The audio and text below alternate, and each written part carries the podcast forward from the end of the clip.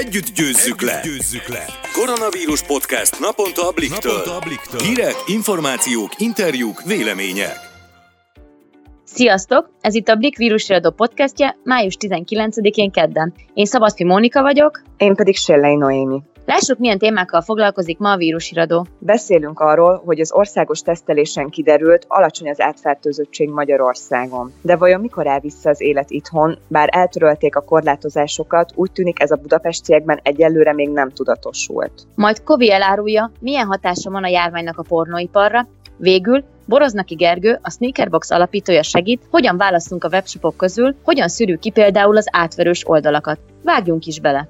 Az eddigi adatok alapján úgy tűnik, alacsony az átfertőzöttség Magyarországon. Az országos tesztelés eredménye május végére várható, azt viszont már a Semmelweis Egyetem elárulta, hogy a korábban ismertetett részeredményekkel összhangban van a végeredmény. Közel 8 millió 300 ezer ember között jelenleg 243 és 7230 közötti aktív fertőzött lehet. Amúgy képzeld, a vizsgálaton összesen 10.600 fő vett részt a korábban említett 17.787 fő helyett. Ez azt jelenti, jelenti, hogy országosan a meghívottak 67,3%-a teszteltette magát. Meg kell dicsérnünk Veszprém, Nógrád és Pest megyét, mert ezekben a megyékben 75% feletti volt a részvételi arány. Azt is tegyük hozzá, hogy voltak a meghívottak között elérhetetlenek, olyanok is, akik időközben elhunytak, vagy éppen külföldön élnek, így nem tudtak megjelenni a tesztelésem, de a lényeg az, hogy a számok alapján Magyarországon nem beszélhetünk nyáimmunitásról. A jövőben pedig várhatóan legalább két alkalommal megismétlik amúgy majd a szűréseket. Úgy néz ki, szeptemberben kerülhet sor a következő országos vizsgálatra. Bevallom őszintén, minden esetre várom. Ebben a körben ugyanis nem voltam benne, és jó lenne, ha kapnék meghívót a következőre,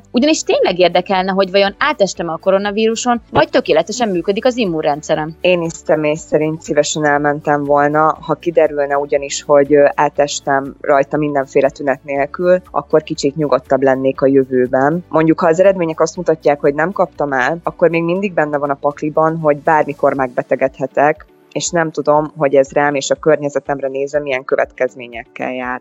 Megértelek, ilyen szempontból teljes a bizonytalanság nálam is, pedig már tegnap óta végre nyugodtan mászkálhatok Budapesten is. Én azért szinte mindenhol hordom még a maszkot egy darabig a biztonság kedvéért, és nem csak az előírt helyeken.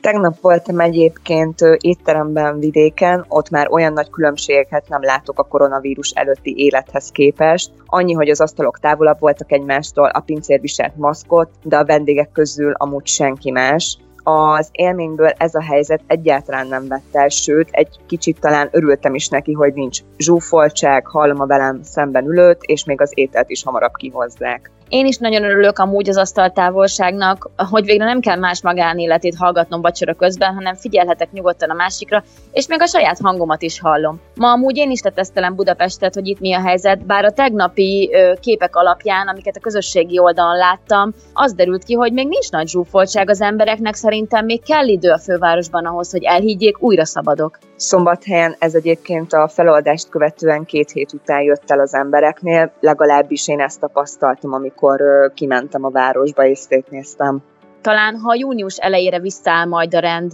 Már az is lehet, hogy az elmúlt két hónapban felvett szokásaink örökre velünk maradnak. Lehet, hogy leszakunk például végleg a készfogásról. És marad a home office. Olvastam erről egy kutatást is, amelyből kiderült, hogy 66 napig tart, amíg rutinná válik egy felvett új szokás.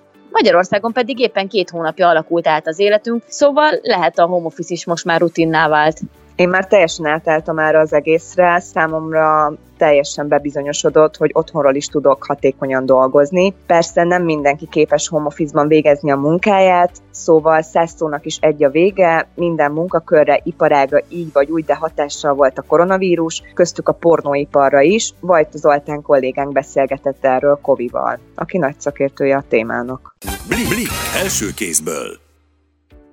Kovács István, azaz közismert nevén Kovi, négyszeres pornószkárdias pornórendező és producer a Blik vírus híradójának a vendége, és arról fogunk beszélgetni, hogy hát nincs olyan szakma a világon, nincs olyan terület az életnek, amit ne érintett volna a koronavírus járvány. A pornóipart ellehetetlenítette-e? Mi a helyzet most a szakmában? Én nem is szeretem ezt a szót használni egyébként, hogy pornó, inkább én azt mondom, hogy a felnőtt filmipar már korábban is azért meg lett tépázva, hiszen az internet, a ingyenes letöltések, az illegális letöltések elég rendesen megtépázták a mi műfajunkat is, hasonlóan a zeneiparhoz, vagy mondjuk a hagyományos filmiparhoz képest. Tehát ehhez képest nem történt negatív változás. Én azt gondolom, hogy pozitív változás ezt a részt azért érinti, tehát azért történt itt pozitív változás, mert ugye az emberek otthon vannak, az emberek szeretnek szórakozni, vagy az unalmukat valamivel elütni, és hát ugye erre egy nagyon jó szórakozási lehetőség maga a felnőtt film.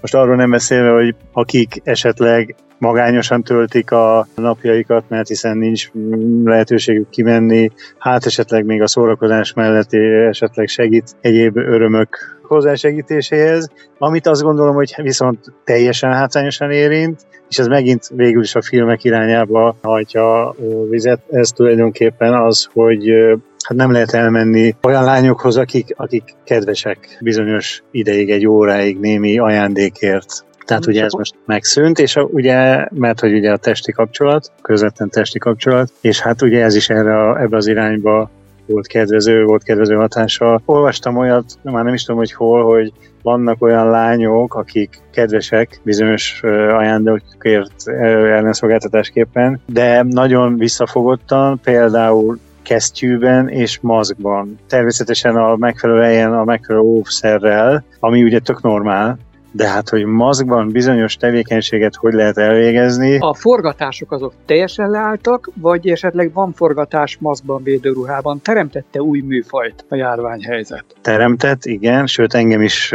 fölkértek, sőt jönnek is ötletek, hogy hogyan, meg maszkban, meg, meg gumiruhában csak a megfelelő nyílások legyenek szabadon, hogy miért nem forgatok ilyen filmet, mert hogy ez mekkora kuriózum lenne, meg érdekesség lenne. Én meg úgy vagyok vele, hogy egyrészt nem is forgatok már egy ideje, másrészt pedig még, ha forgatnék, sem csinálnék ilyen filmet, mert azt gondolom, hogy ezzel nem, nem ízléses viccelni, én nem szeretnék ebből poén csinálni, és ö, semmiképpen nem forgatnék ilyen fajta filmeket, mint ahogy például annak sem örülök, hogy a nevem ugye, ugye a COVID 19 vírus ugye eléggé hasonlít az enyémre. Én, Igen Aha. és hogy ezt mémekben, meg mindenféle ilyen vicces... Poénkodnak vele. Poénkodnak, igen, összefüggésben hozzák velem, hogy, hogy az, én, az én nevemmel, hogy ez mennyivel jobb volt az én nevem, hogy COVID-18 plusz, vagy a COVID 19. Nagyon népszerű pornószolgáltató karantén miatt átmenetileg ingyenesítette a fizetős tartalmakat. Nyilván ennek marketing értéke van, meg ők ezt hosszabb távra is terveztek. Többet nézünk pornót karanténban világszerte, ezt kutatások igazolják, de vajon hozzászoknak-e, megkedvelik-e annyira újra ezt a műfajt, illetve hát a fizetős műfajt, a speciális műfajokat, mondjuk a magyarok, hogy újra jelentős összegeket fizessen a közönség? Annyiban hozott új helyzetet a műfaj szempontjából a járványhelyzet, hogy ahogy te is mondtad, hogy vannak olyan oldalak, akik amelyek ingyenesítettek szinte minden tartalmat, tehát még a prémium tartalmakat is. Ezáltal vonzák oda azokat a nézőket, akik esetleg eddig nem akartak valamilyen prémium tartalomért fizetni. Ugye ezt most megkapják ingyen. Hát a kérdés az az, hogy oda fognak-e szokni. Tehát látják azt, hogy mi a különbség egy ingyenes tartalom között, ahol esetleg rosszabb a minőség, ahol pont a lényeg marad le, és nem látszik teljes egészében minden. Tehát, hogyha esetleg odaszoknak az emberek, akkor ez valószínűleg ez egy jó döntés volt. Aki eddig nem fizetett, annak biztos egy része fog fizetni a prémium tartalomért, mert hogy most oda szoktatják, de én azt gondolom, hogy a többség ugyanúgy nem fog fizetni érte, megszűnik az ingyenesség, maradnak azoknál tartalmaknál, amikkel nem kell fizetni. Mivel foglalkoztak, foglalkoznak a járvány idején a felnőtt filmiparnak a szereplői, rendezők, producerek és hát a színészek. Beszéljünk a, a szereplőkről, mert én azért nem hívnám őket színészeknek, mert a színészet azért egy szakma, ahhoz el kell végezni bizonyos iskolákat. Itt igazából 18 feletti 20 éves fiatalokról van szó, tehát ezért nem nevezem őket színészeknek, tehát inkább szereplők vagy modellek. De én azt tudom, hogy jó párom közülük vettek például laptopot, és elkezdtek ilyen, ilyen csetelős oldalakon, ilyen magamutogatós oldalakon saját magukat, tehát ilyen, ilyen műsor szolgáltatást nyújtanak, live-okat lehet érte fizetni, és akkor bizonyos képi szolgáltatásokat nyújtanak a rajongóknak. Ebből nem lesz annyi pénzük, hogy olyan szinten meg tudjanak élni, mint a forgatásokból. Ez egy ilyen pótmegoldás pont úgy, ha már hasonlatot hozhatok, mint egy jó menő étterem, amelyik mondjuk átáll a, mit tudom én, a lázhoz szállításhoz, az arra elég, hogy életben maradjon. Fordulnak hozzád segítségért, hogy mikor lesz forgatás, mi a helyzet a szakmában, mikor indulhat el újra az élet? Tartják-e a kapcsolatot a az ipar régi szereplői. Igen, én azt hiszem észre, hogy többen hívnak föl a régi fiúk, régi srácok, lányok közül. Pont ilyen dologgal kapcsolatban érdeklődnek. Például az egyik srác fölhívott, hogy ő nagyon szívesen csinálna pont ilyen karanténfilmet, aminek az a lényege, hogy teljesen totálisan beöltözve. Én megmondtam neki, hogy nem, és akkor kérdezte, hogy de majd mikor térünk vissza az eredeti műfaj szerint, és hát mondtam, hogy fogalmam sincs. Hát ezt ugye most még nem lehet kiszámítani. Én azt mondom, hogy jobb az óvatosság. Egyébként meg erről is olvastam, hogy nagyon föllendülőben vannak a különféle segédeszközöknek a, a forgalom fellendülőben van például a különböző dildók, vibrátorok, babák, amik ugye helyettesíthetik a szexet. Ideje nem forgatsz, hogy mivel foglalkozol a karantén miatt, a járvány miatt, profilt váltottál, vagy pedig más oka van? Körülbelül négy éve nem forgatok,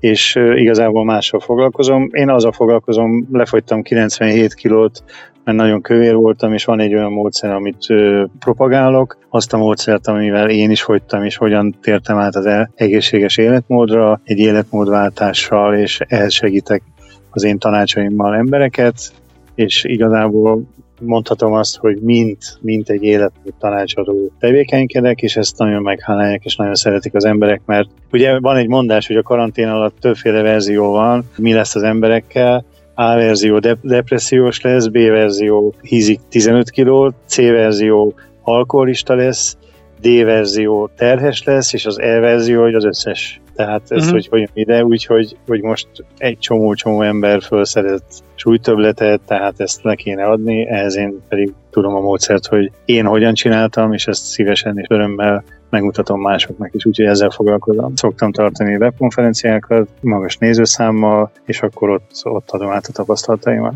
Pornó az végleg a múlt, vagy ez egy átmeneti időszak? Én azt hiszem, hogy én lezártam ezt a fejezetet az életemben, én nagyon jól megtaláltam most a mostani életemet, ugyanolyan elhivatottságérzéssel és ugyanolyan lelkesedéssel csinálom, és meg is tanultam, hát most már ötödik éve ezzel foglalkozom. Az egy életemnek egy gyönyörű, szép, letagadhatatlan, felvállalható, csodálatos 20 éve volt. Váltottam, megtaláltam benne teljesen az, az életemet, az új hivatásomat. Nem akarok visszatérni a filmforgatásra, pedig tehetném, mert rendszeresen érkeznek e-mailek, telefonok. Az elmúlt időszakban két cégnek a vezetője utazott csak miattam Budapestre, hogy megbeszéljünk meg egy újabb együttműködést, de nem, szóval nem, én már azt lezártam.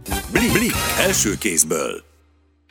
A karantén idején jelentősen megnőtt az online vásárlások száma. Boroznaki Gergő, a Sneakerbox alapítója több érdekes dolgot is elárult Szabó László kollégánknak. Boroznaki Gergővel a sneakerbox.hu alapító szerkesztőjével beszélgetünk, mégpedig egy olyan téma az, ami most terítékre kerül, amely szerintem itt a tartósan otthon töltött időszakban sokaknál megjelenik, ez pedig az online vásárlás, annak is egy speciális szegmense, mégpedig a cipők, a sneakerek, aminek egy hatalmas kultúráját látjuk az elmúlt években. Szia Gergő! Hello! Ugye nagyon sokan vásárolnak online, olyan korosztályokban is egyre többen, akik eddig még nem ismerkedtek ezzel a világgal. Az online kereskedelemnek egy hatalmas boomot adott ez az egész koronavírus helyzet. A cipővásárlás az mondhatjuk úgy, hogy divat is lett az elmúlt időszakban, de sok veszélyt rejt az online vásárlás abból a szempontból, hogy nagyon sokan próbálnak minket félrevezetni. Olyan oldalak jelennek meg, akár a közösségi médiában is hirdetésekben, amelyek arra vannak, hogy a pénzt lehúzzák az emberről. Hogy látjátok ti ezt? Hogyan lehet erre jobban szocializálni az embereket? Igen, mi is azt látjuk, ugye már a blog is tíz éves, és mindig az egyik úgymond legnépszerűbb témánk volt, legolvasottabb cikkeink azok voltak, amiben ezeket a kamusopokat próbáljuk leleplezni, mert tényleg már nagyon magunk mögött hagytuk azt az időszakot, amikor ilyen röhögtünk ezek a nekicipőkön, meg ugye a pipás,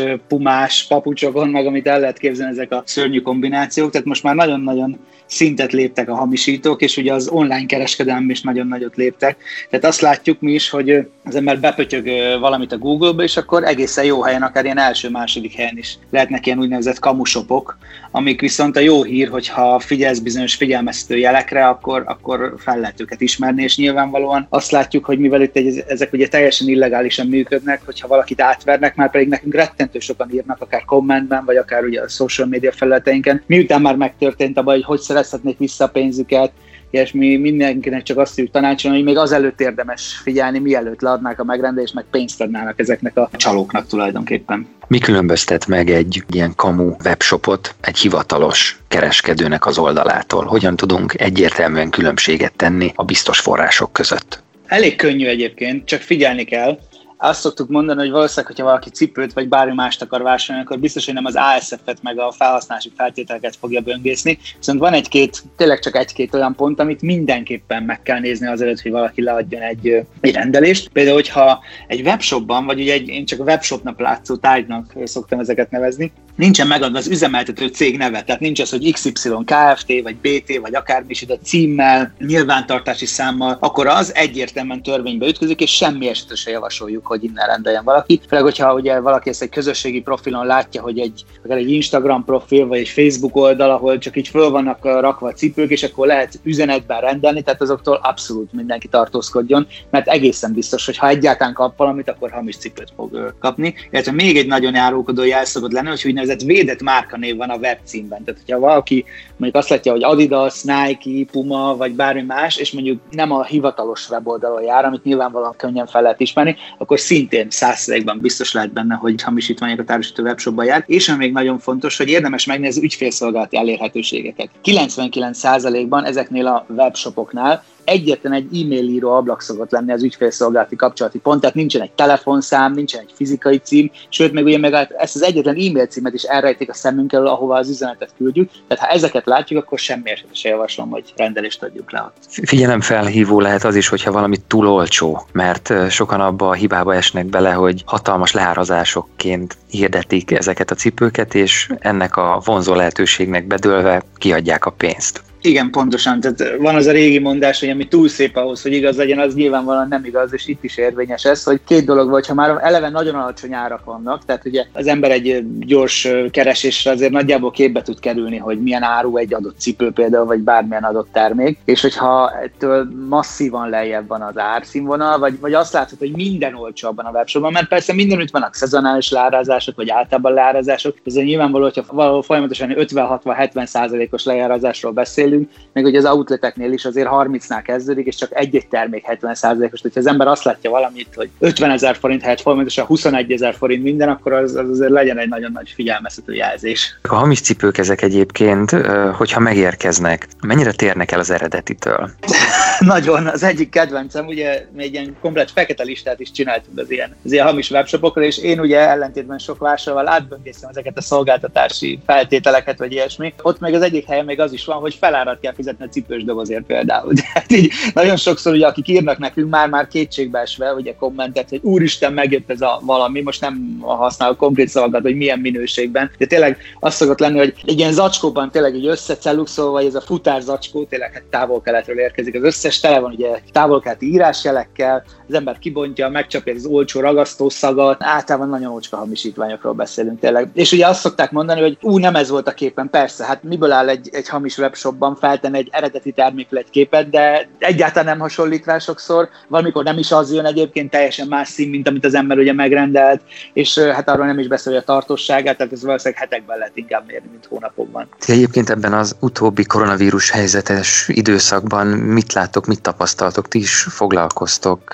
cipők kereskedelmével vásárolnak az emberek? Olvastam én is ugye statisztikákat, hogy például a divattermékeknek így csökkent a forgalma, és inkább ugye az ilyen közhasználati cikkek, amiket szintén online rendelnek az emberek. Nekünk egyébként az a tapasztalatunk, hogy nyilvánvalóan az emberek továbbra is vásárolnak cipőt, amit látunk, hogy az akciósat keresik. Tehát látható, hogy jobban megnézik, hogy, hogy mire adják ki a cipőt. Aztán van egy másik ellenpont, hogy, hogy a legdrágább cipőket is keresik. Tehát úgy, mintha ezt a luxus kategóriát, vagy ezt a hype kategóriát, hogy mi magunk ezt hívjuk, ezt annyira nem érintette volna. Milyen áron vannak azok a cipők, amik sportcipők, de azért mégis ez a luxus kategória? Általában limitált cipők, tehát kb. 5-6 évvel ezelőtt robbant föl, ugye ez a bizonyos hype, így a sneakerek környékén, hogy addig is voltak olyan cipők, amikből alacsony darabszámot, úgynevezett limitált darabszámot adtak ki a gyártók. Ennek tényleg pont az volt a szerepe, hogy a gyűjtők hozzájussanak, egy kicsit így valami érdekessel fel, így a piacot, de így az utóbbi 5-6 évben ez teljességgel felrobbant ez a fajta piac, és uh, ugye itt a Yeezy cipők, amik ugye ezt leginkább ezt így tüzelik, úgymond,